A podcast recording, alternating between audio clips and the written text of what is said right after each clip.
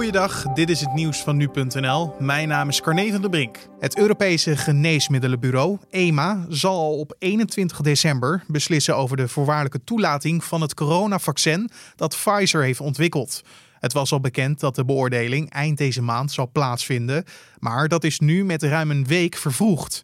Het vaccin zou volgens de onderzoeksresultaten een effectiviteit van 95% hebben en is in 94% van alle gevallen succesvol bij 65-plussers. Nederland verwacht van Pfizer 7,8 miljoen coronavaccins. Daarvan heeft één persoon twee doses nodig om beschermd te zijn.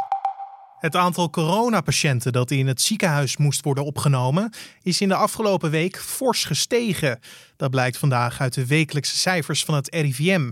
In vergelijking met de week ervoor steeg het aantal ziekenhuisopnames met 20% Het aantal IC-opnames steeg in dezelfde periode met 24 Opvallend is de stijging in het aantal verpleeghuizen en woonzorgcentra, waar tenminste één coronabesmetting is vastgesteld.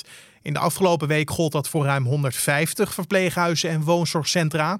In de voorgaande week nog voor bijna 100. Dat komt neer op een stijging van 67 procent.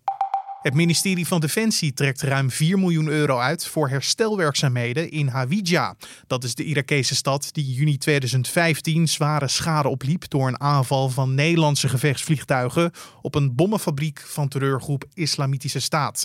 Daarbij kwamen tientallen burgers om het leven. Het geld wordt gebruikt om puin te ruimen, het lokale elektriciteitsnetwerk te herstellen en de essentiële infrastructuur op te knappen. De werkzaamheden zullen ongeveer anderhalf jaar in beslag nemen. Slechts 22% van de scholen gaat woensdag direct online lesgeven. De overige 78% begint daar na de kerstvakantie mee en neemt de komende dagen de tijd om het thuisonderwijs goed in te richten.